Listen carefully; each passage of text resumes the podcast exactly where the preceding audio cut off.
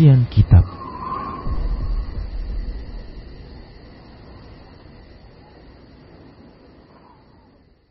Bismillah, Assalamualaikum warahmatullahi wabarakatuh. Innal hamdalillah nahmaduhu wa nasta'inuhu wa nastaghfiruh wa na'udzu billahi min shururi anfusina wa min sayyiati a'malina. Man yahdihillah fala mudhillalah wa man yudlilhu fala hadiyalah. وأشهد أن لا إله إلا الله وحده لا شريك له وأشهد أن محمدا عبده ورسوله صلى الله عليه وسلم. قال الله تبارك وتعالى يا أيها الذين آمنوا اتقوا الله حق تقاته ولا تموتن إلا وأنتم مسلمون. يا أيها الناس اتقوا ربكم الذي خلقكم من نفس واحدة وخلق منها زوجها وبث منهما رجالا كثيرا ونساء. واتقوا الله الذي تساءلون به والأرحام. إن الله كان عليكم رقيبا. يا أيها الذين آمنوا اتقوا الله وقولوا قولا سديدا. يصلح لكم أعمالكم ويغفر لكم ذنوبكم. ومن يطع الله ورسوله فقد فاز فوزا عظيما أما بعد فإن أصدق الحديث كتاب الله وخير الهدى هدى رسول الله صلى الله عليه وسلم وشر الأمور محدثاتها وكل محدثة بدعة وكل بدعة ضلالة وكل ضلالة في النار Para muslim rahimani wa rahimakumullah. Alhamdulillah. Kita bersyukur kepada Allah Subhanahu wa taala yang masih memberikan berbagai nikmat kepada kita. Demikian pula selawat dan salam kita ucapkan untuk Nabi kita Muhammad sallallahu alaihi wasallam Para pemirsa Rosa TV, demikian pula para pendengar radio Medan Mengaji di mana saja Anda berada. Alhamdulillah. Kita akan memasuki pembahasan yang baru yang sesungguhnya pembahasan ini ini ada hubungannya dengan uh, al-qard yaitu pembahasan al-qard hutang piutang. Ada pembahasan yang disebut dengan al-hawalah. Al-hawalatu Al-hawalah secara bahasa maknanya adalah an-naqlu yaitu pemindahan ya. Al-hawalah secara bahasa maknanya adalah an-naqlu yaitu pemindahan uh, pemindahan. Adapun secara syar'i maksud dari al-hawalah adalah naqlu daini min zimmatil muhili ila zimmatil muhali alaihi Al-hawala artinya adalah pemindahan hutang dari orang yang berhutang kepada orang yang uh, orang yang lainnya. Nah, para muslim rahimani wa rahimakumullah.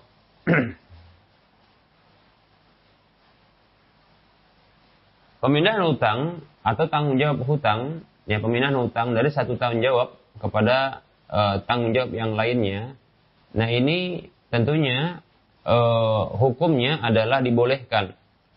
Ya tentunya dikarenakan di dalamnya terdapat uh, kemaslahatan dan menjaga harta dari hilang sia-sia. Ya, tanpa hak. Demikian pula ya terjaganya jiwa dari bahaya-bahaya. Demikian para muslim rahimani wa rahimakumullah. Hal ini insyaallah taala e, berdasarkan riwayat beberapa dalil ya atau kita sebutkan beberapa dalil berikut ini ada satu riwayat hadis Nabi Shallallahu alaihi wasallam yang secara umum ini merupakan bentuk tolong menolong di atas kebajikan dan takwa. Allah Subhanahu wa taala berfirman di dalam surah Al-Maidah ayat 2, A'udzu billahi minasyaitonir rajim. 'Alal birri wat taqwa wa la ta'awanu 'alal ismi wal 'udwan wattaqullaha innallaha syadidul 'iqab. Dan tolong menolonglah kalian di atas kebajikan dan takwa serta janganlah kalian tolong menolong di atas dosa dan permusuhan. Bertakwalah kepada Allah sesungguhnya Allah Maha keras siksanya. Demikian pula ya berdasarkan hadis Nabi Shallallahu alaihi wasallam bersabda dari sahabat Abu Hurairah radhiyallahu anhu Rasulullah Shallallahu alaihi wasallam bersabda matlul ghani zulmun. Fa idza utbi'a ahadukum ala maliyin falyat falyattabi' muttafaqun alaihi. Nabi Shallallahu alaihi wasallam bersabda penundaan pembayaran hutang orang yang mampu adalah kezaliman maka apabila salah seorang di antara kalian diarahkan kepada orang yang mampu, maka hendaklah dia mengikutinya. Demikian. Baik para muslim rahimani wa Hikmah disyariatkannya pemindahan hutang dari satu tanggungan kepada tanggungan yang lain ya adalah dalam rangka untuk e, memberikan keamanan bagi harta. Kita sebutkan pada waktu yang lalu bahwasanya di antara bentuk e, pengamanan terhadap hutang ya ini adalah dengan cara diberikan e, jaminan atau gadaian ya atau agunan ya. Nah, ada cara yang lain yang itu dengan cara hawalah ini yaitu pemindahan ya pemindahan hutang dari satu e, tanggungan kepada tanggungan yang lainnya demikian. Dan ini merupakan juga uh, fungsinya untuk menyelesaikan kebutuhan manusia. Terkadang manusia ya dia butuh untuk uh, seseorang itu dia butuh untuk selesai ya uh, hutangnya dan tanggung jawabnya ya dari orang yang memiliki hak terhadap dirinya ya maka dia butuh orang lain yang menanggung hutangnya. Demikian para muslim rahimani wa rahimakumullah. Nah, tentunya pemindahan hutang itu, ya, pemindahan hutang itu adalah kepada orang yang orang itu berhutang kepada dirinya. Ya. Begitu juga terkadang ya seseorang itu membutuhkan untuk pemindahan harta dari satu negeri kepada negeri yang lain. Ya. Terkadang pemindahan ya uh, hal tersebut tidaklah mudah, ya, tidaklah mudah. Dan itu diringi dengan adanya kesulitan, kesusahan, ya, dikarenakan jauhnya uh, jauhnya tempat, ya, atau jarak. Begitu juga contohnya, ya, kesulitan dalam membawa barang-barang tersebut, ya. Begitu juga di dalam perjalanan bisa jadi tidak aman. Maka Allah Subhanahu wa taala mensyariatkan hawalah ini yaitu pemindahan pemilik uh, pemindahan ya hutang dari satu beban kepada beban uh, yang lainnya. Uh, bentuknya adalah seperti ini. Contoh adalah ya si A berhutang kepada si B ya si A berhutang kepada si B dengan takaran hutang sekitar 10 juta. Si A berhutang kepada si B ya dengan takaran ya nilai uang 10 juta demikian. Ternyata ya ada si C yang juga memiliki hutang kepada si A ya 10 juta. Ya 10 juta.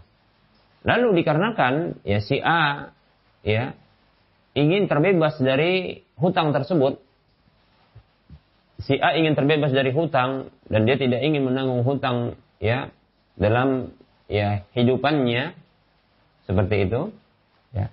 Atau dikarenakan mungkin ketika dia hendak membayar kepada si B ya ini agak sulit. Jarak yang jauh. Begitu juga barangkali e, tidak ada e, jasa untuk mengirimkan uang tersebut namun ternyata ada si C, ya. Si C yang dia berdekatan dengan si B dan ternyata si C ini memiliki hutang senilai ya hutang si A kepada si B.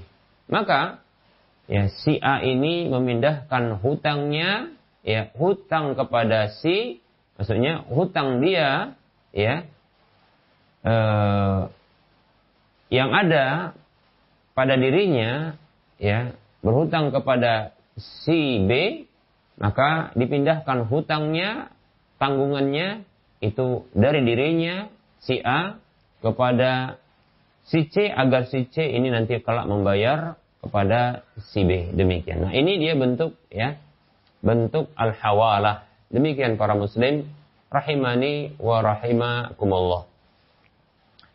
Syarat-syarat hawalah ini yaitu pemindahan hutang dari satu tanggung jawab kepada tanggung jawab yang lainnya, ya.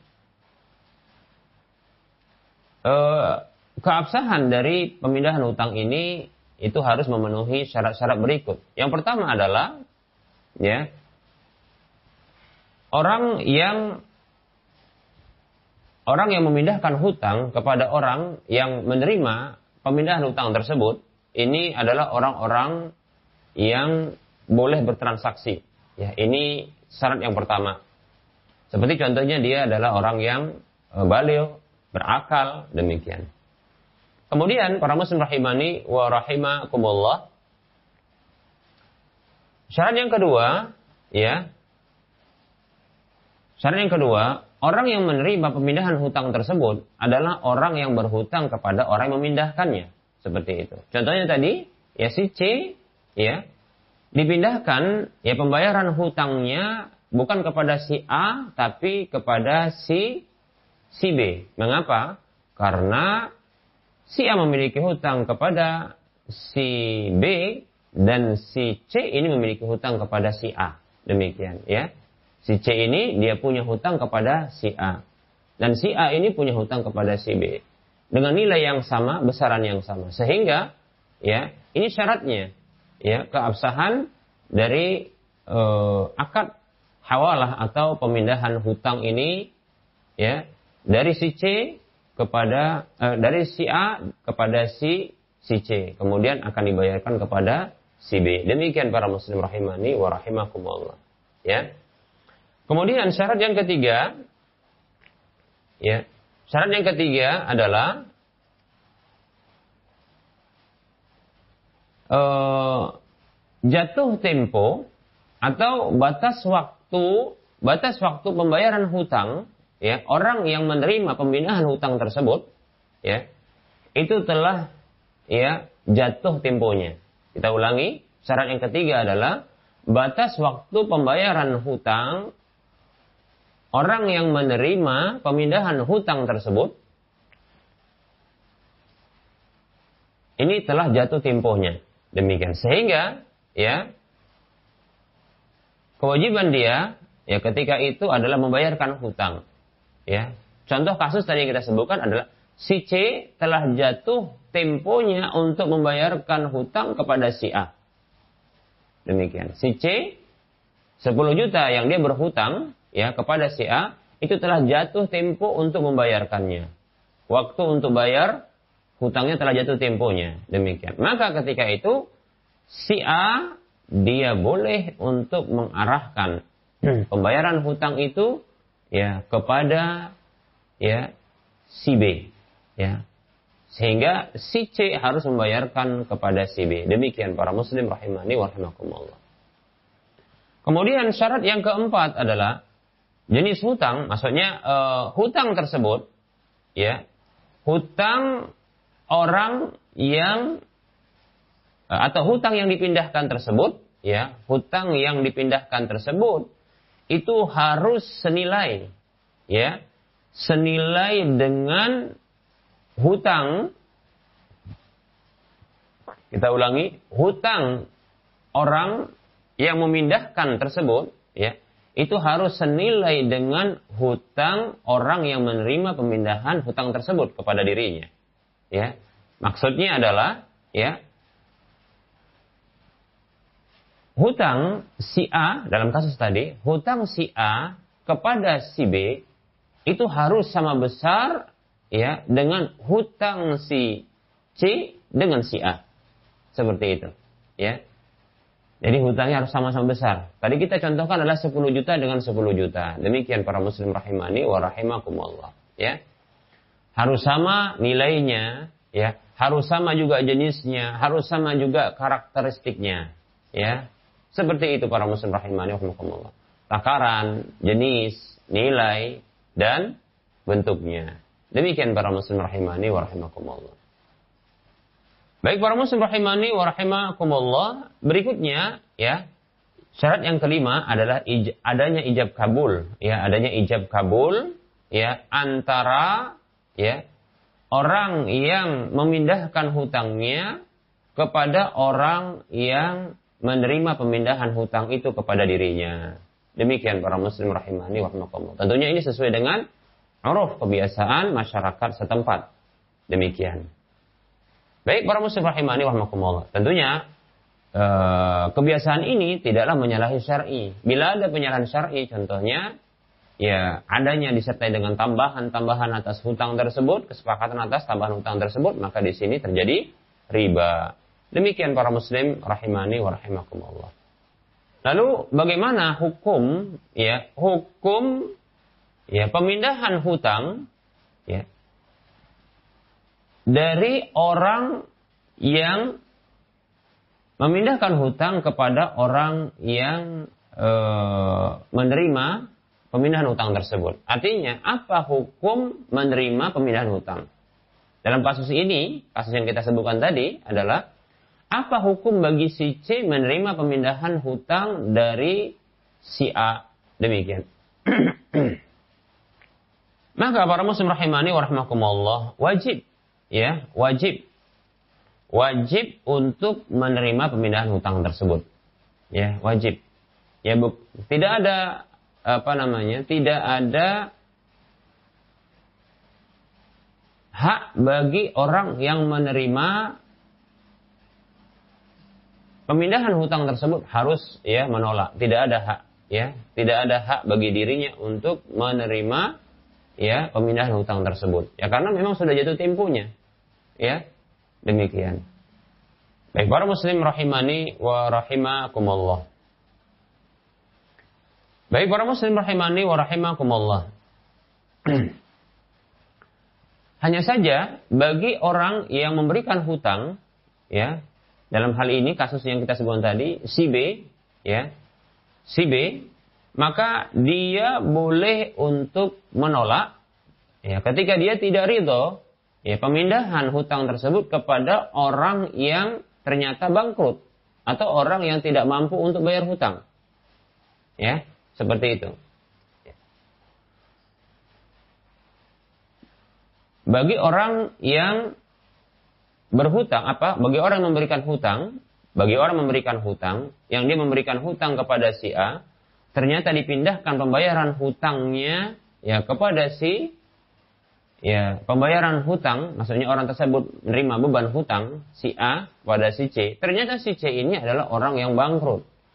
Orang yang dia tidak memiliki harta untuk membayar utang tersebut. Maka boleh bagi si si, eh, si B tersebut atau orang yang memberikan hutang itu dia menolak, ya menolak lebih-lebih ketika dia tidak ridho. Mengapa?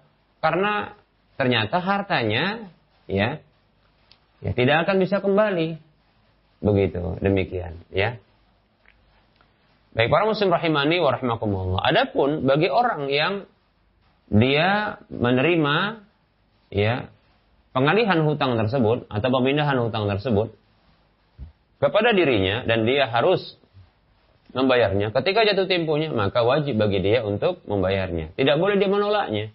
Bahkan wajib bagi dirinya karena sudah jatuh tempo. Yang bagi dirinya wajib ketika itu untuk apa? Untuk me menerimanya. Demikian ya. Jadi adapun hukum asal bagi orang yang memindahkan hutangnya itu itu boleh. Ya, boleh. Hutangnya dipindahkan ya bagi orang tersebut boleh. Ya. Bagi orang yang menerima pemindahan hutang tersebut, ya ketika jatuh temponya, maka wajib bagi dirinya bila senilai kan begitu. Adapun bagi orang yang memberikan hutang ya memberikan hutang dan dia akan menerima pembayaran hutang dari orang yang dipindahkan kepadanya ya maka dia boleh menerima, boleh juga menolak. Ya. Ketika contohnya ya kalau dia menolak ya ternyata orang yang menerima ya orang yang menerima eh, tanggung jawab untuk membayarkan hutang tersebut adalah orang yang ternyata bangkrut atau orang yang tidak memiliki harta atau orang yang dia sulit bayar. Ya, maka yang seperti ini, ya, orang seperti ini, maksudnya orang yang uh, orang yang dia memberikan hutang itu boleh dia menolaknya. Demikian para muslim rahimani wa rahimakumullah. Karena itu membahayakan dirinya, ya, itu membahayakan dirinya dan dia tidak ingin terlibat dalam kasus ya penunggakan pembayaran hutang seperti ini. Aslinya dia hanya ya menerima pembayaran hutang dari orang yang diarahkan hartanya kepada orang yang diberikan hutang itu ke, uh, olehnya kepada dirinya. Ya. Yaitu contoh dalam kasus yang kita sebutkan adalah si B ya asalnya adalah dia akan mengambil ya hartanya yang e, berstatus piutang kepada si A ya di waktu jatuh tempo yang telah disepakati. Demikian ya. Bila dipindahkan kepada si C maka harus dilihat dia boleh melihat apakah orang tersebut amanah untuk bisa me, me, membayarkan hutang ataukah tidak ya. Demikian ya. Apakah dia juga mampu untuk membayar atau tidak? Karena sesungguhnya dia inginkan amannya hartanya. Demikian ya Adapun bagi si, si C, yaitu orang yang dipindahkan kepada dirinya, ya beban pembayaran hutang tersebut yang dialihkan mesti dibayarkan kepada si A, namun kepada si si B, maka wajib baginya untuk menerima pemindahan tersebut. Ya, karena tidak ada pilihan. Karena ya ketika jatuh tempo wajib bagi dia membayar. Hanya saja ya saat itu ya ketika saat dia jatuh tempo membayar itu dia harus bayarnya kepada orang lain. Ya, kepada orang lain yang dia uh, orang yang memberikan hutang kepada dirinya itu berhutang kepada orang tersebut. Demikian para muslim rahimani wa rahimakumullah. Dan tidak boleh bagi bagi si C ini menunda-nunda pembayaran hutang ketika dia memiliki kemampuan, ya. Tidak boleh bagi dirinya untuk menunda-nunda pembayaran, ya. Lebih-lebih contohnya karena alasan pribadi, ya. Contoh si si C ini ternyata bermusuhan dengan si B, ya, atau punya masalah dengan si B. Lantas dia enggan untuk menunda atau uh, dia enggan untuk menerima pengalihan pembayaran hutang itu. Beban ya uh, untuk dibayarkan kepada si A lantas dibayarkan kepada si B. Alasan alasan pribadi dengan alasan pribadi. Ya, maka ini tidak boleh. Penundaan pembayaran hutang seperti ini dengan alasan pribadi, ya maka ini tetap terlarang tidak boleh, ya. ya karena ini tidak syar'i alasan seperti ini, ya. Berlaku sabda Nabi Shallallahu Alaihi Wasallam yang telah kita ya e, bacakan tadi itu hadis dari Abu Hurairah radhiyallahu anhu, ya bahwa, Rasulullah Shallallahu Alaihi Wasallam bersabda, "Matlul ghani zulmun Fa'idha utbi'a ahadukum ala maliyin falyattabi' Hadis riwayat Bukhari Muslim. Kata Nabi Shallallahu Alaihi Wasallam, ya penundaan pembayaran hutang orang yang kaya atau orang yang mampu membayar adalah kedoliman. Jadi contohnya kalau si C tadi dia tunda-tunda pembayaran hutangnya sementara sudah jatuh temponya ya untuk membayarkan hutang tersebut, sementara dia mampu itu bentuk kedoliman, itu bentuk kedoliman, itu dosa itu keharaman yang sedang dilakukannya. Demikian. Ya. Maka apabila salah seorang di antara kalian ya diarahkan kepada orang yang kaya untuk membayarkan hutangnya, ya, maka adalah dia ikuti, ya, adalah dia ikuti. Demikian, ya. Maksudnya adalah ya orang yang memberikan hutang, ya, orang memberikan hutang dan kasus tadi kita sebutkan adalah si B, maka ketika itu ya dia harus ngikuti ya ngikuti pemindahan pembayaran hutang tersebut. Tentunya kepada orang yang kaya. Ya, orang yang kaya. Ya. Bukan kepada orang yang ya suka menunda-nunda nunda pembayaran hutang tentunya. Ya begitu. Demikian. Maka boleh apa namanya? Maka wajib. ya maka wajib ketika itu. Namun kita katakan tadi boleh baginya untuk dia menolak ketika dia mengetahui ya ketika dia mengetahui bahwasanya orang yang dipindahkan hutang itu kepada dirinya untuk dibayarkan kepadanya ini ternyata orang tersebut orang yang bangkrut tidak punya harta. Orang yang ternyata dia suka menunda-nunda pembayaran hutang nah ini tentunya mendolimi dirinya. Demikian para muslim rahimani wa rahimakumullah. Apa dampak dari pemindahan hutang ini? Para muslim rahimani warahmatullah. Dampak dari pemindahan hutang adalah terlepasnya orang yang berhutang ya tersebut dari hutangnya. Ya. Terlepas. Seperti itu. Dia tidak lagi menanggung hutang. Ya. Seperti itu. Ya. Apabila telah terpenuhi ya eh, akad ya syarat-syarat dari akad hawalah pemindahan hutang atau pengalihan hutang ini, maka dampaknya adalah orang yang berhutang dia terbebas dari hutangnya. Contoh kasus yang kita sebutkan tadi, apabila lima syarat yang kita sebutkan tadi ya telah sempurna dalam pemindahan akad pemindahan atau pengalihan hutang dari si A ke C untuk dibayarkan kepada si B terpenuhi ya syarat pertama ya si A dengan si C adalah orang-orang yang memang dia orang yang terpenuhi syarat untuk bertransaksi. Kemudian si e, syarat yang kedua, ya, si A, e, si C betul-betul punya hutang, ya, dengan si A demikian. Kemudian syarat yang ketiga, ya, jatuh tempo pembayaran hutang si C itu telah jatuh atau telah berlaku ya atau masa pembayaran hutang si C ini telah jatuh temponya sudah jatuh temponya untuk dibayarkan kepada si A. Kemudian syarat yang keempat nilai hutang si uh, si C kepada si A itu senilai nilai hutang si A kepada si B. Demikian ya. Kemudian syarat yang kelima adanya ijab kabul antara si A dengan si C untuk dialihkan kemudian dibayarkan kepada si B. Demikian para muslim rahimani wa Bila telah sempurna syarat-syarat ini, ya, maka berpindahlah hutang tersebut ya kepada dari si A kepada si C dan si A terlepas hutang piutang. Ya, tidak ada hutang kepada si B. Sekarang beban ya berpindah kepada si, si C untuk membayarkan kepada si A di waktunya. Demikian para muslim rahimani wa rahimakumullah. Baik para muslim rahimani wa rahimakumullah. Nah, apabila ternyata uh, si si B atau kita katakan orang yang memberikan hutang ya asal ya memberikan hutang yang akan nantinya menerima pembayaran hutang tersebut di akhir dia ridho ya dia ridho untuk dialihkan kemudian dia juga uh, ridho untuk ada penundaan pembayaran, ya. Maka tatkala ternyata orang yang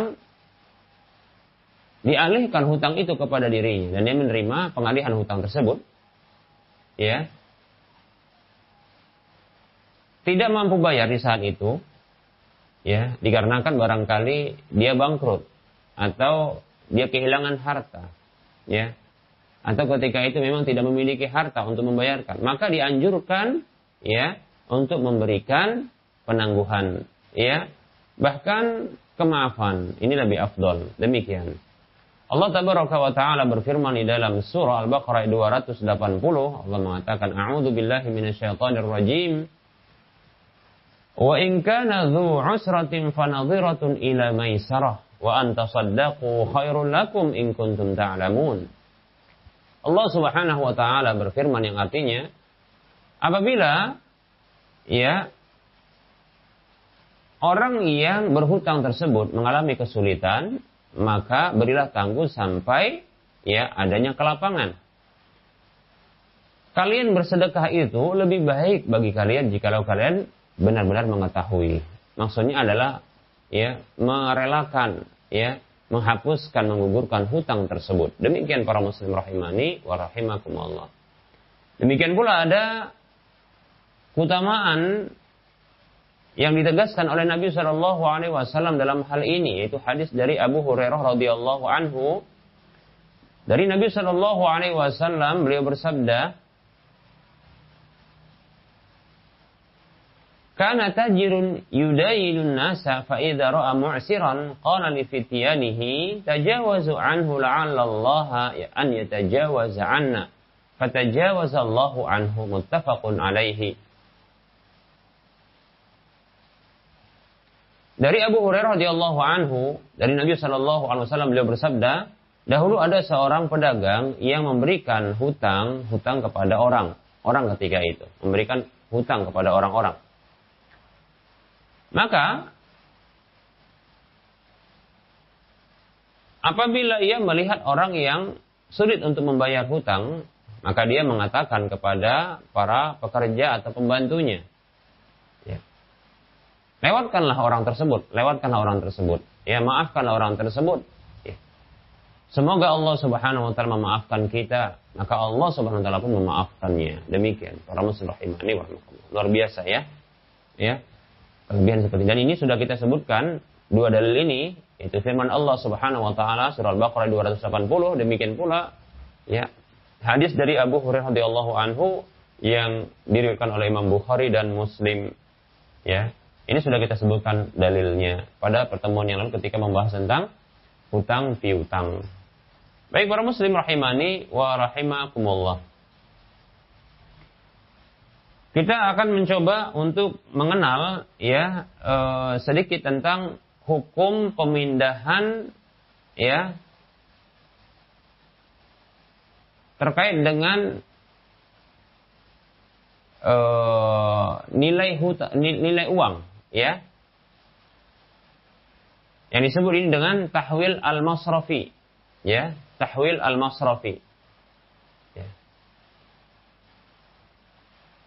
yaitu an yusallim al-insanu nuqudan li masrafil baladi alladhi huwa fihi summa ya'khudhu min al-masrafi syai'kan aw hawalatan liyaqbidha biha nuqudahu fi baladin akhar aw makanin akhar.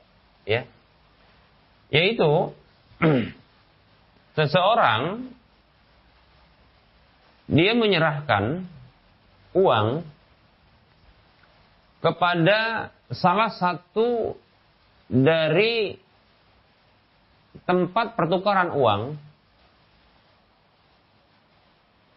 yang ada di negeri di mana dia berada Kemudian dia mengambil dari tempat penukaran uang tersebut berupa bukti atas kepemilikan uang. Disebut dengan cek, ya. Cek. Demikian, ya. Atau semacam uh, uh, bukti pengalihan, ya, bukti pengalihan uh, apa namanya? Bukti pengalihan uang tersebut, ya. Agar dia bisa nanti mengambilnya dan menerimanya, uang tersebut, menerima uang, ya, dengan cek tersebut atau bukti tersebut, ya, itu di negeri yang lain atau di tempat yang lain. Bisa dipahami kira-kira ya, seperti itu. Jadi contohnya saya, ya, saya pingin contohnya nanti ketika umroh, ya, di tanah suci ya saya bisa mendapatkan ya uh, uang tersebut ya uang tersebut senilai dari uang yang saya titipkan. Jadi saya datang contohnya dengan membawa real, kebetulan saya punya real. Ya, katakan saya punya real. Saya punya real ya sekitar mungkin barangkali eh, 500 real. Di Indonesia ini ya saya pergi ke sebuah tempat money changer yang ternyata money changer ini ya money changer ini dia punya cabang di di Saudi. Lebih khusus mungkin di tanah suci. Mekah atau Madinah. Demikian. Saya eh, serahkan uang tersebut sekitar 500 real ya kepada money changer tersebut ya. Pihak eh, penukaran uang 500 real. Lalu saya menerima cek atau bukti pemindahan uang tersebut ya.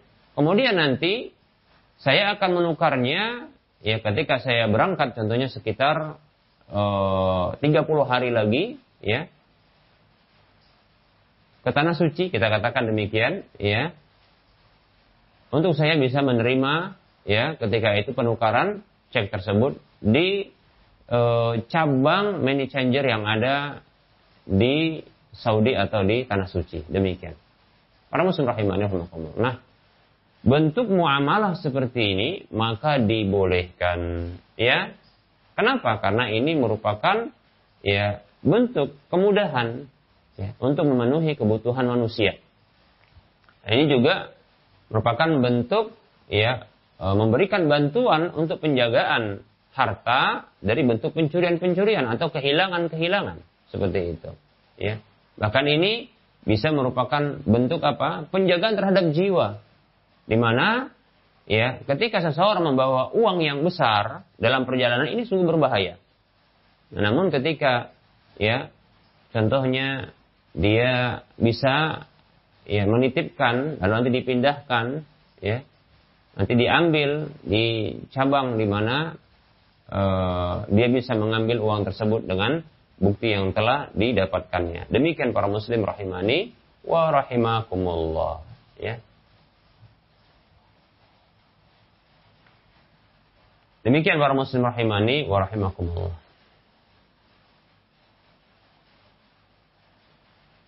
Uh, bila kasus tadi kita sebutkan yaitu kasus pemindahan ya atau kasus kita katakan uh, penitipan ya ini uh, membutuhkan biaya contohnya pihak money changer meminta untuk di uh, diberikan ya biaya operasional ya untuk pemindahan tersebut, maka wallahu taala alam, ya pendapat yang tepat dalam hal ini, maka boleh bagi ya pihak money changer untuk menerima pembayaran atau dia meminta pembayaran tersebut tersebut. Ya, mengapa? Ya, karena ini bentuk apa? Bentuk pemindahan. Ini bentuk jasa. Seperti itu, bentuk jasa pemindahan. Demikian para muslim rahimani wa rahimakumullah. Ya. Ini tentunya bentuk apa? Bentuk tolong menolong di atas ya kebajikan dan ketakwaan. Allah Subhanahu wa taala berfirman, "A'udzu billahi minasyaitonir rajim." Wa ta'awanu 'alal birri wat taqwa wa la ta'awanu 'alal ismi wal 'udwan wattaqullaha innallaha syadidul iqab. Dan saling tolong menolonglah kalian di atas kebajikan dan takwa dan janganlah kalian saling tolong menolong di atas dosa dan permusuhan. Bertakwalah kepada Allah, sesungguhnya Allah Maha keras siksanya. Baik para muslim rahimani wa rahimakumullah. Jadi ini merupakan bentuk apa? Ya, bentuk ya e, akad pemindahan, akad pemindahan dan itu bukan bentuk hutang, ya. Bukan pemberian hutang ya kepada orang tersebut. Karena ini pemindahan, ya. Pemindahan uang ya dari satu wilayah kepada wilayah yang lain. Demikian. Para muslim rahimani wa rahimakumullah. Pertanyaannya, apakah boleh ya, apakah juga boleh ya untuk dipindahkan kepada selain cabang. Contohnya money changer tersebut memindahkannya kepada ya kepada changer yang lain yang punya dia hubungan ya uh, hubungan kerjasama dengan money changer yang lain ya atau bank yang lain demikian maka Allah taala alam juga boleh ya juga boleh demikian karena ini sifatnya pemindahan hutang seperti itu. Maaf, ini sifatnya pemindahan uang, ya, pemindahan uang. Baik para muslim rahimani wa rahimakumullah. Uh, ini barangkali materi yang bisa kita sampaikan, ya. Kita akan mencoba untuk uh, beralih kepada sesi soal jawab. Mudah-mudahan sudah ada Baik para muslim rahimani wa rahimakumullah. ada pertanyaan, walaupun ini sepertinya pernah saya sampaikan, tapi tidak masalah, ya, tidak masalah. Terkait dengan eh, pertanyaan hukum jual beli kucing, apakah diperbolehkan? Assalamualaikum warahmatullahi wabarakatuh. Waalaikumsalam warahmatullahi wabarakatuh. Semoga Allah menjaga ustadz dan keluarga. Ini ada titipan pertanyaan soal hukum jual beli kucing. Apakah dibolehkan? Baik para muslim rahimani wa rahmakumullah. Ada hadis ya dari sahabat Jabir radhiyallahu anhu anna Rasulullah sallallahu alaihi wasallam naha an samanil kalbi wa an samani as-sinawuri. Hadis ini hadis yang dikeluarkan Imam Ahmad demikian pula Imam Muslim. Dari Jabir radhiyallahu anhu ya bahwasanya Rasulullah Shallallahu Alaihi Wasallam itu melarang dari jual beli hasil jual beli anjing dan hasil jual beli kucing. Hadis riwayat Ahmad dan uh,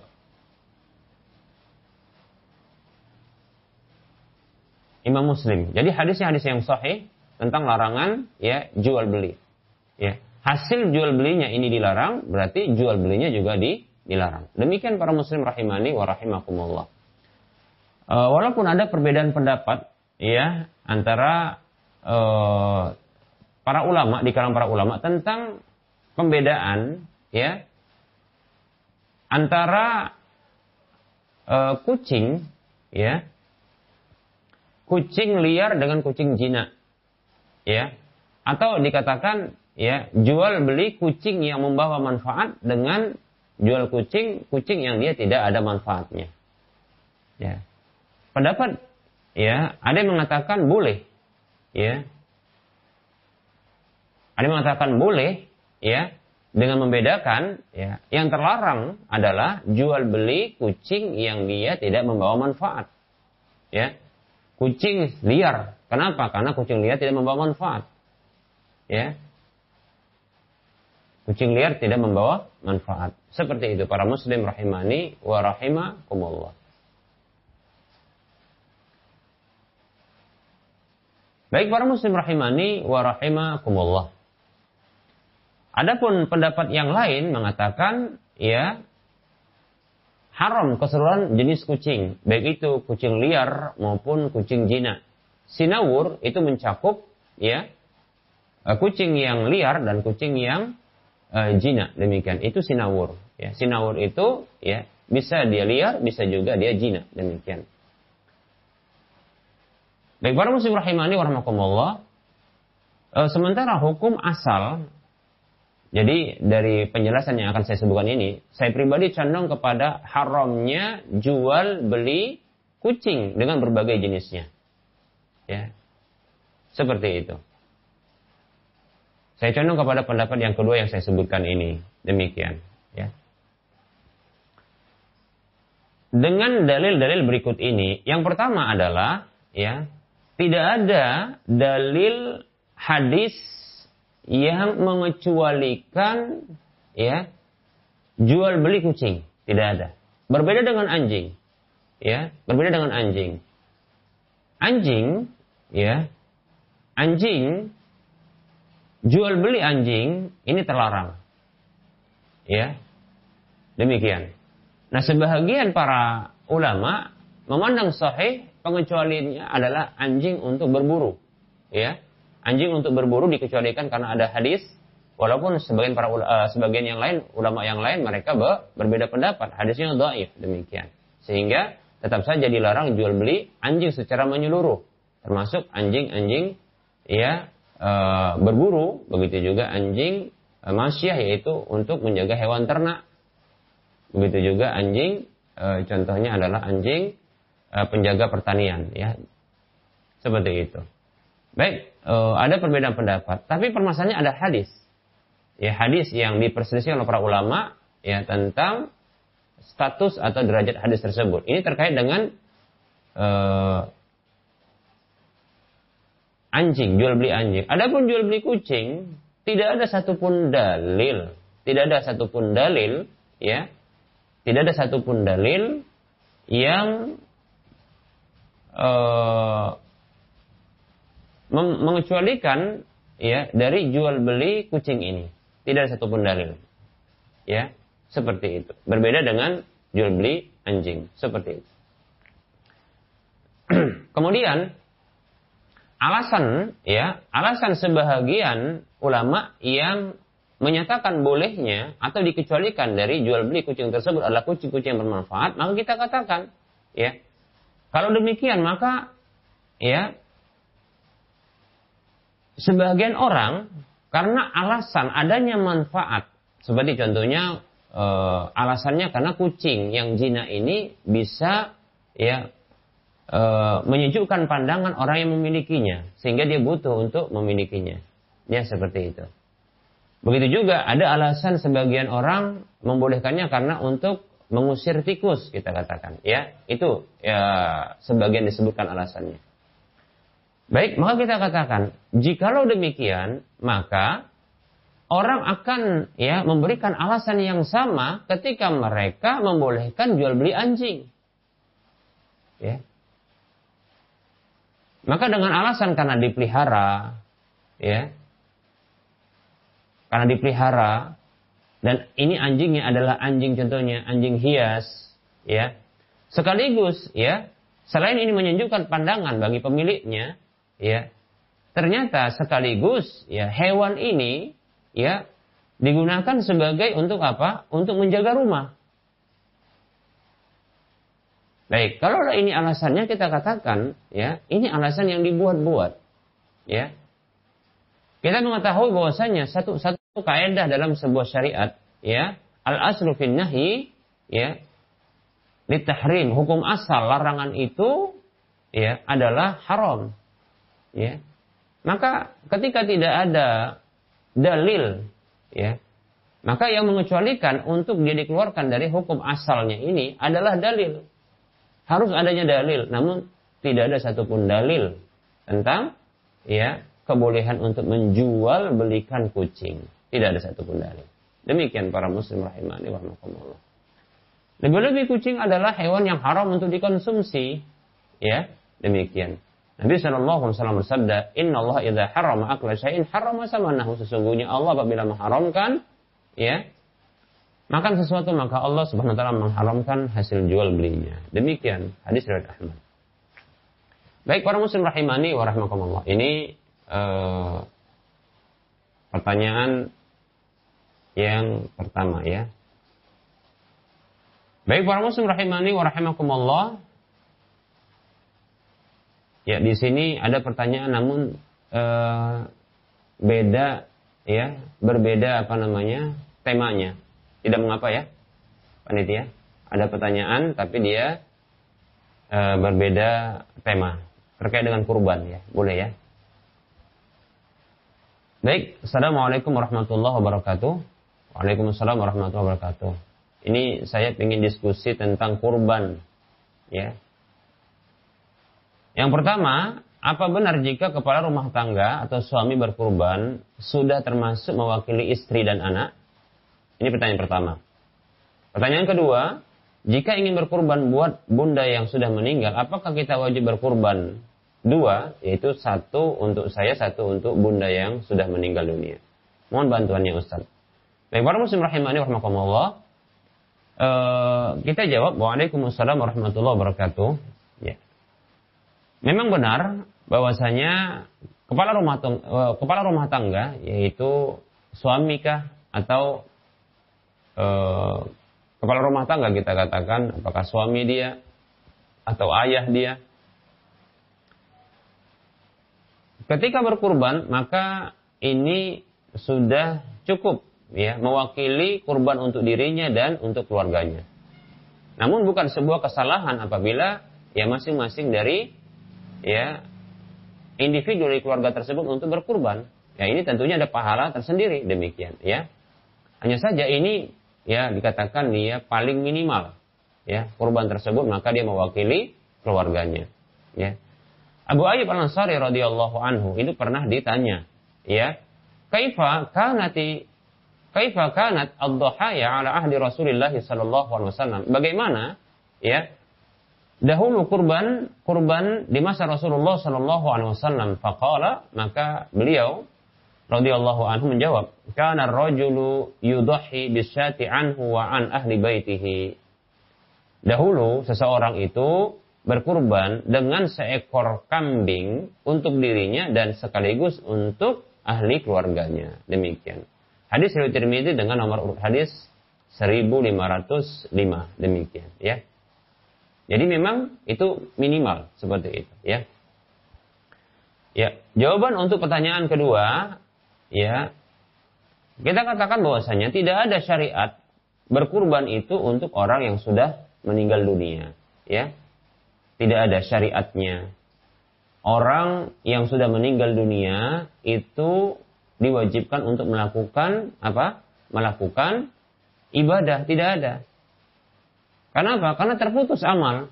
Kata, kata Nabi Shallallahu Alaihi Wasallam, "Ida matal insanu in amaluhu." Ya, kalau mati manusia itu maka terputus amalnya karena memang tidak ada lagi amalnya. Demikian. Tidak ada lagi beban untuk dia beramal kecuali bila ternyata dia memiliki hutang-hutang baik itu hutang kepada Allah maupun hutang kepada manusia maka ketika itu masih dia memiliki beban oleh karenanya orang yang meninggal dunia ya Nabi Shallallahu Alaihi Wasallam begitu peduli untuk penyelesaian hutang ya sampai-sampai Nabi Shallallahu Alaihi Wasallam bersabda ini sudah pernah kita sampaikan nafsul mu'mini mu'allaqatun bidaini bidaini hatta yuqda anhu Jiwa seorang mukmin, mukmin ini ceritanya. Yang insya Allah kalau mukmin itu itu masuk surga. Itu jiwanya terkatung-katung dengan hutangnya sampai dibayarkan. Demikian. Itu hutang kepada manusia. Ya. Ada pun hutang kepada Allah Subhanahu wa taala, hutang kepada Allah Subhanahu wa taala, haqullahi ahaqqu an yuqda. Ya. Hutang kepada Allah Subhanahu wa taala itu lebih utama, lebih berhak untuk dibayarkan. Seperti itu. Makanya ketika ada orang yang punya hutang puasa, Nabi Shallallahu Alaihi Wasallam mensyariatkan agar bisa dibayarkan oleh oleh uh, walinya atau orang yang menjadi ahli warisnya. Kata Nabi Shallallahu Alaihi Wasallam, "Man mata wa alaihi saumun sama'anhu waliyuhu."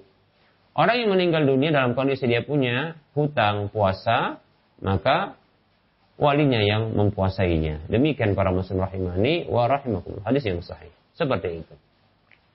Jadi tidak ada syariat ya untuk berkurban bagi orang yang telah wafat. Namun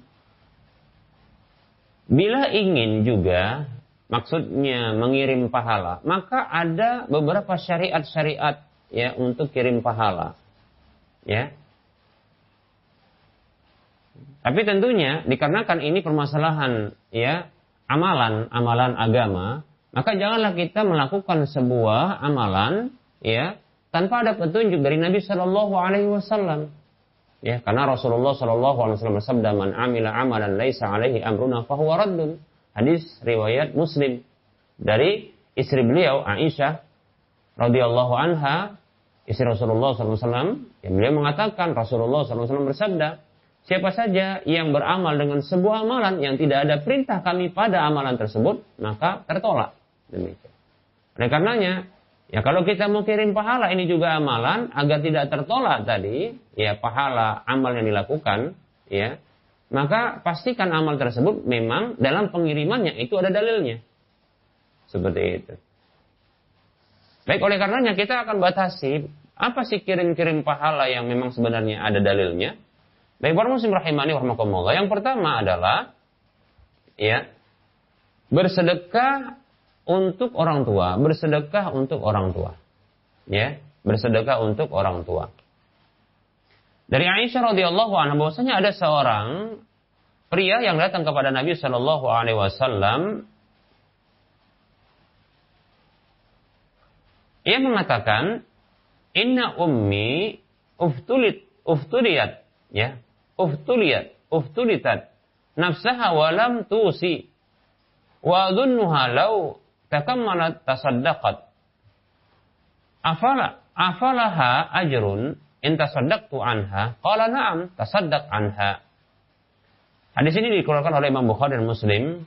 Kata orang tersebut ya sesungguhnya ibuku telah wafat. Ya.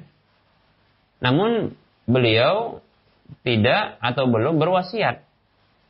Saya duga andaikan ya laut takallamat andaikan beliau itu ketika itu berbicara tentunya beliau akan ber e, bersedekah demikian ya apakah beliau ini akan mendapatkan pahala bila aku bersedekah untuknya qala maka Rasulullah bersabda Naam, ya tentu.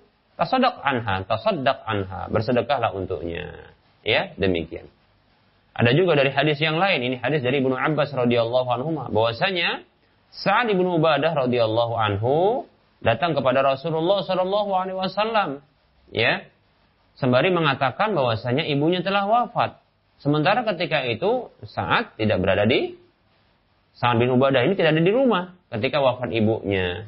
Maka dia datang kepada Nabi Shallallahu Alaihi Wasallam, ya Rasulullah, inna ummi tuwufiyat wa ana ghaibun anha. Wahai Rasulullah, sesungguhnya ibuku telah wafat. Sementara aku tidak ada di sisinya ketika itu. Ya, nggak hadir ketika itu. Ayam fa'uha syai'un in tasaddaqu bihi anha. Apakah sesuatu yang aku sedekahkan, ya, itu akan bermanfaat bagi dirinya? Qala na'am. Rasulullah mengatakan, ya, demikian. Seperti itu. Nah, di sini, ya, ini cara pertama kita kirim pahala untuk orang tua kita. Cara pertama untuk kirim pahala kepada orang tua kita. Demikian para muslim rahimani wa Cara yang kedua adalah ya, kita kirim pahala dengan ya, banyak mendoakan kebaikan. Banyak mendoakan kebaikan untuk orang tua kita. Ya. Doa kebaikan ya seperti doa contohnya ya doa uh, ditinggikan derajatnya, ya diangkat adabnya, diberikan ya kebahagiaan di alam kuburnya, ya rizki-rizki di alam barzakh demikian, ya. Termasuk di antaranya doa untuk dihapuskannya dosa-dosa, yaitu doa permohonan ya ampunan untuk orang tua. Baik para muslim rahimani warahmatullah. Dalam sebuah hadis dari Abu Hurairah radhiyallahu anhu, ada sini hadis yang sahih disebutkan bahwasanya ya turfa'u lil mayyiti ba'da mautihi darajatuhu diangkat ya derajat orang yang telah meninggal dunia setelah kematiannya. Dia mendapatkan tingginya derajat setelah wafatnya. Padahal dia tidak merasa beramal dengan amalan tersebut. Lantas dia bertanya kepada Allah Subhanahu wa taala, "Ay Rabbi, mahadihi wahai Rabbku, ini apa yang aku dapatkan ini?" Ya, maka dikatakan kepada dia, "Waladuka istaghfara laka." Anakmu mohon ampun untukmu. Lihat. Jadi tingginya derajat yang didapatkan oleh orang tua setelah kematiannya, setelah wafatnya, ini di antara sebabnya adalah permohonan ampun anak untuk orang tuanya. Seperti itu para muslim rahimani Oleh karenanya ya uh, keluarga lebih-lebih anak jangan bertumpu kepada orang lain untuk apa? Untuk mendoakan orang tua. Mengapa? Belum tentu orang lain tersebut dia rela ikhlas di dalam ber, berdoa demikian. Lebih-lebih apabila ada iming-iming berupa ya harta berupa makanan, uang dan seterusnya. Belum tentu dia ikhlas di dalam berdoa. Hanya anak yang mengetahui jasa besar orang tuanya. Hanya anak yang merasakan kebaikan orang tuanya.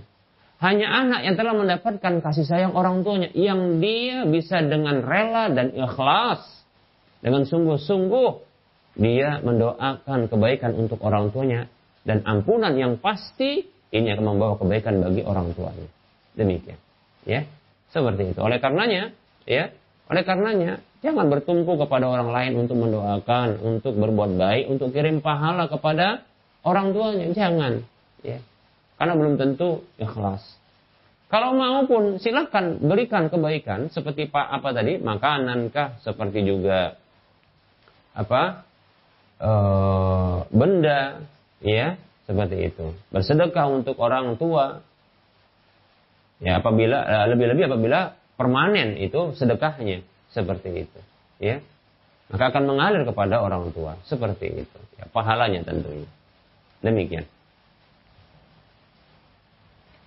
Berikutnya para muslim rahimani warahmatullah yang bisa ya dilakukan oleh seorang anak untuk kirim pahala kepada orang tuanya adalah ya dia banyak beramal soleh sebagai bentuk ya dia berbakti kepada orang tuanya dengan kirim pahala senantiasa dengan amal-amal solehnya kebaikan-kebaikannya ya yang dia lakukan mengapa karena anak itu adalah hasil usaha orang tua yang Allah Subhanahu wa taala mengatakan laha maka sahabat. Bagi jiwa tersebut kebaikan yang dia usahakan. Dan Allah mengatakan, a'udzubillahi minasyaitonirrajim wa allaisa lil insani illa ma Ya. Bagi manusia tersebut, ya, tidaklah manusia tersebut mendapatkan kecuali apa yang dia usahakan. Rasulullah Shallallahu alaihi wasallam mengatakan, "Inna auladakum min kasbikum." Sesungguhnya anak-anak kalian itu termasuk hasil usaha terbaik kalian. Demikian. Oleh karenanya, anak bila melakukan kebaikan, maka ini akan didapatkan oleh orang tuanya.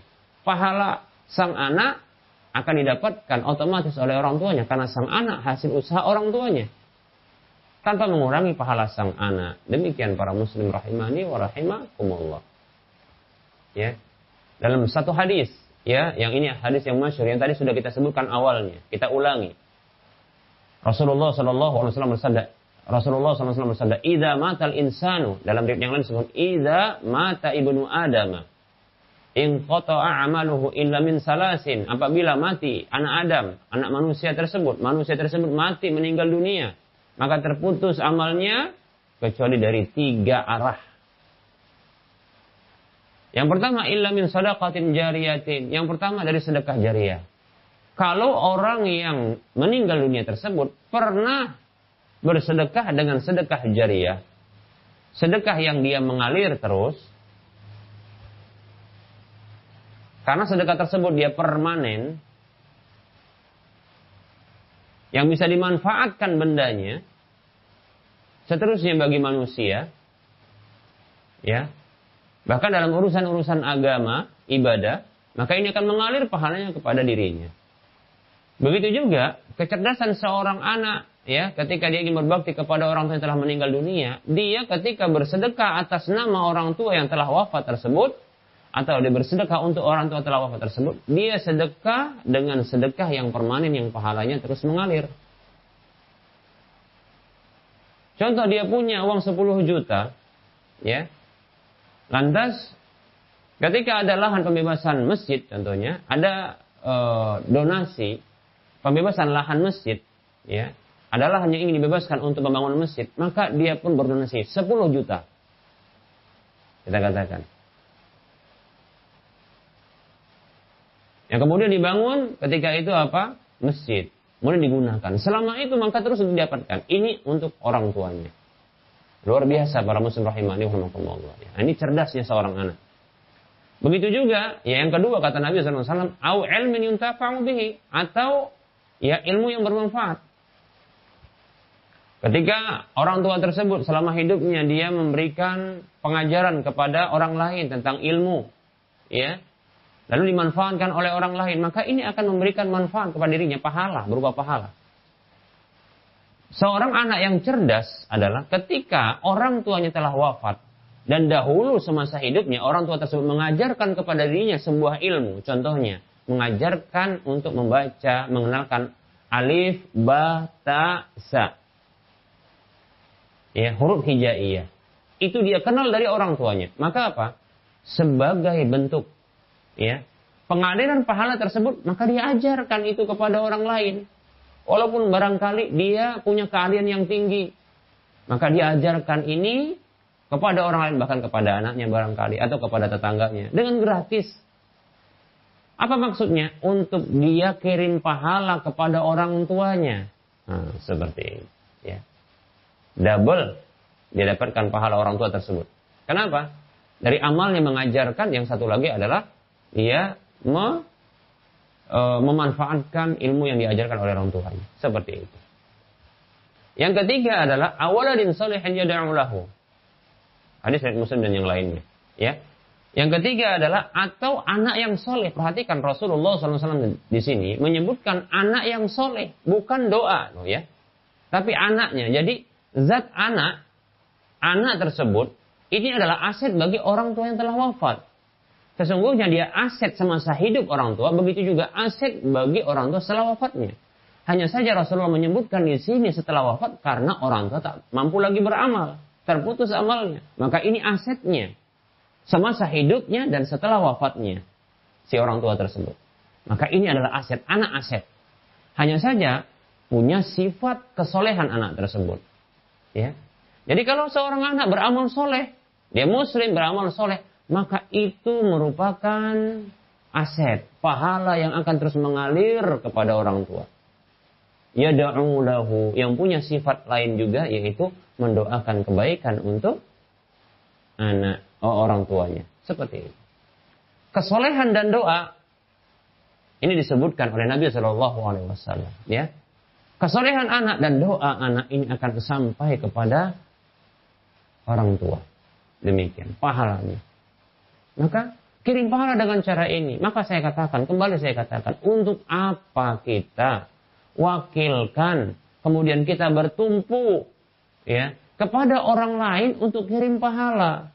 Sudahlah menghabiskan uang, membuat kita repot. Ya. Belum tentu juga orang yang melakukan, yang diminta tersebut datang hadir. Itu melakukan dengan ikhlas. Sementara syarat diterimanya amal adalah keikhlasan. Lebih-lebih contohnya menetapkan hari-hari khusus. Ya, Cobalah kalau kita menetapkan hari-hari khusus untuk berbakti kepada orang tua. Apa bedanya dengan orang-orang yang mereka memiliki kekafiran yang mereka menetapkan ya, hari ibu untuk berbakti kepada ibunya. Walaupun mungkin ya waktu yang ditetapkan tersebut lebih banyak. Satu, dua, tiga, tujuh, empat puluh, seratus, dan seribu. Maaf, ini saya ingin mengajak kepada saudara seiman untuk cerdas di dalam berbuat baik, berbakti kepada orang tua. Ya. Saya ingin mengajak berpikir Anda semua. Kritik ini ya tidak bermaksud untuk menjatuhkan saudara-saudara yang sedang mengamalkannya, bukan. Tapi cobalah kita berpikir dengan cerdas. Karena kita orang cerdas, kita punya akal. Apakah kita layak sebagai seorang anak membalas bakti orang tua kepada kita, jasa kebaikan orang tua kepada kita, yang itu dilakukannya tanpa melihat waktu. Orang tua itu berbuat baik kepada kita semasa hidup kita itu tidak melihat waktu. Apakah ketika kita mendapatkan kebaikan orang tua kita itu di hari pertama ketika kita lahir, hari kedua, ketiga, kemudian hari keempat libur sampai hari ketujuh baru kita berbuat baik, baru kemudian hari keempat puluh kita berbuat baik, sementara waktu-waktu yang lainnya kita tidak berbuat baik, di hari ke seratus kita berbuat baik, di hari ke seribu kita berbuat baik, ke setahunnya kita berbuat baik, atau nunggu di hari ibu kita berbuat baik. Ini tidak tepat saudara seiman. Ya. Coba cerdaslah di dalam berpikir Gunakan ya perasaan yang baik ini. Ya. Gunakan akal kita yang cerdas. Tidakkah kita ingin anak-anak kita kelak juga berbuat baik kepada kita? Semasa hidup kita dan setelah wafat kita. Agar mereka terus beramal amal soleh. Semasa kita hidup dan seterusnya tanpa ya bertumpu kepada orang lain dan tanpa menentukan waktu-waktu untuk beramal soleh. Bersedekah di hari 1, 2, 3, 7, 40, 100, 1000, 1 tahun, dan seterusnya. Di waktu itu mereka berbuat baik dan mengirim pahala kepada kita? Tidak. Maka kita mulai dari diri kita sendiri. Maka saya mengajak untuk cerdas. Demikian para muslim rahimahullah. Semoga bermanfaat. Baik. Baik ada pertanyaan ini tentang kurban juga. Mengirim kurban, apakah perlu melakukan akad? Baik para muslim rahimani warahmatullah. kurban itu adalah ibadah kepada Allah, tidak perlu ketika kita berak, maksudnya ketika kita apa namanya e, beribadah kepada Allah itu dengan akad, ya, seperti itu. Hanya saja ketika kita mewakilkan kepada orang lain untuk menyembelihkan kurban, ya, atau untuk membagikan kurban, maka di sini harus ada akad. Itu akad perwakilan, ya. Seperti contohnya kepada panitia kurban. Ini Pak, ini saya titipkan ya eh, kurban saya demikian. Nah seperti itu. Kalau contohnya uh, mau nitip belikan, maka berikan uangnya, saya titipkan ini uangnya untuk memberikan kurban. Nah demikian. Nah kalau nah, kurban saya demikian. Nah seperti itu. Kalau contohnya e, mau nitip belikan, maka berikan uangnya, saya titipkan ini uangnya untuk memberikan kurban. Nah demikian. Nah kalau seperti ini kita katakan ini namanya akad perwakilan, akad wakalah. Kalau akad wakalah ini yang diwakilkan adalah manusia, Sementara mereka tidak mengetahui apa yang dalam hati manusia. Maka apa? Perlu di, disebutkan akadnya. Yaitu akad perwakilan. Ada kepada Allah, ibadah kepada Allah. Dengan segala bentuk ibadah, maka tidak perlu ada ada akad. Ya, tidak perlu disebutkan kepada Allah Subhanahu wa taala. Saya melakukan ini bersama melakukan kecuali kalau ada dalilnya dan itu pun sebenarnya bukan akad. Ya, seperti ketika haji, labbaik Allahumma labbaik, ya. Labbaik Allahumma, ya. Umratan atau hijjatan demikian. Ini namanya ikrar untuk Assalamualaikum Ustaz Waalaikumsalam warahmatullahi wabarakatuh Bolehkah melanjutkan pertanyaan yang berkait dengan pertanyaan sebelumnya Kepada Ustaz Abu Aliyah Oh ya Jika sang ibu memberitahu Bahwa kakak laki-laki yang menjadi wali dari adik perempuan tersebut adalah anak seayah. Sedangkan bibi memberitahu bahwa kakak laki-laki tersebut anak dari pernikahan ibu sebelumnya. Beda bapak. Mana yang harus kita ambil? Saya masih bingung, apakah perlu melakukan akad ulang?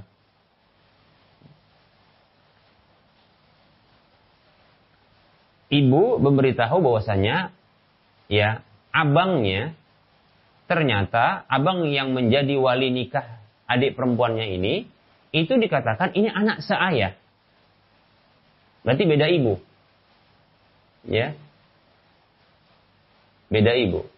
Sedangkan sang bibi, ini bibi yang mana kita tidak tahu ya. Karena bisa jadi bibi dari jalur ayah atau dari jalur ibu, ya. Memberitahu bahwasanya abangnya yang menikahkan tersebut itu adalah pernikahan ibu sebelumnya, beda bapak. Yang mana yang ini harus di, dipegang? Maka kita katakan, kaul siapa? Perkataan mana yang harus dipegang? Maka perkataan orang yang mengalami apa? Pernikahan itu, bukan bibi. Betul nggak?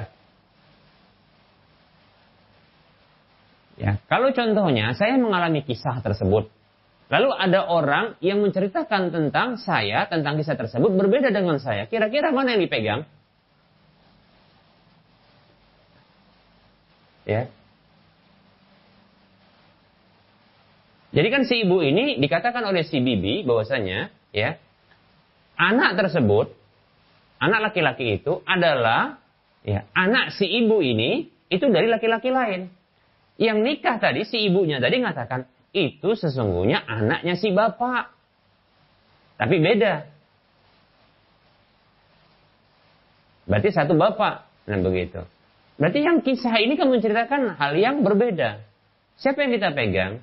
Maka hukum asalnya kalau ada perbedaan seperti ini, yang kita pegang adalah perkataan siapa? Perkataan yang mengalami kisah itu, cerita itu.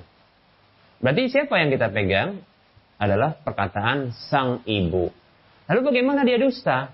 Bila dia dusta, itu urusan dia tanggung kepada Allah Subhanahu wa taala. Begitu.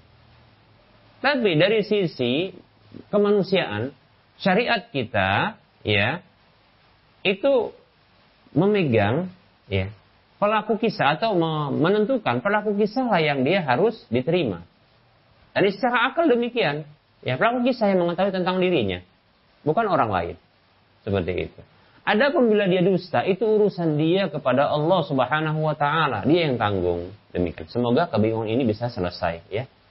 Dan jangan bawa kebingungan ini kepada orang lain. Ya, apalagi kepada saya ya. Insya Allah saya nggak bingung, tapi ya insya Allah seperti ini.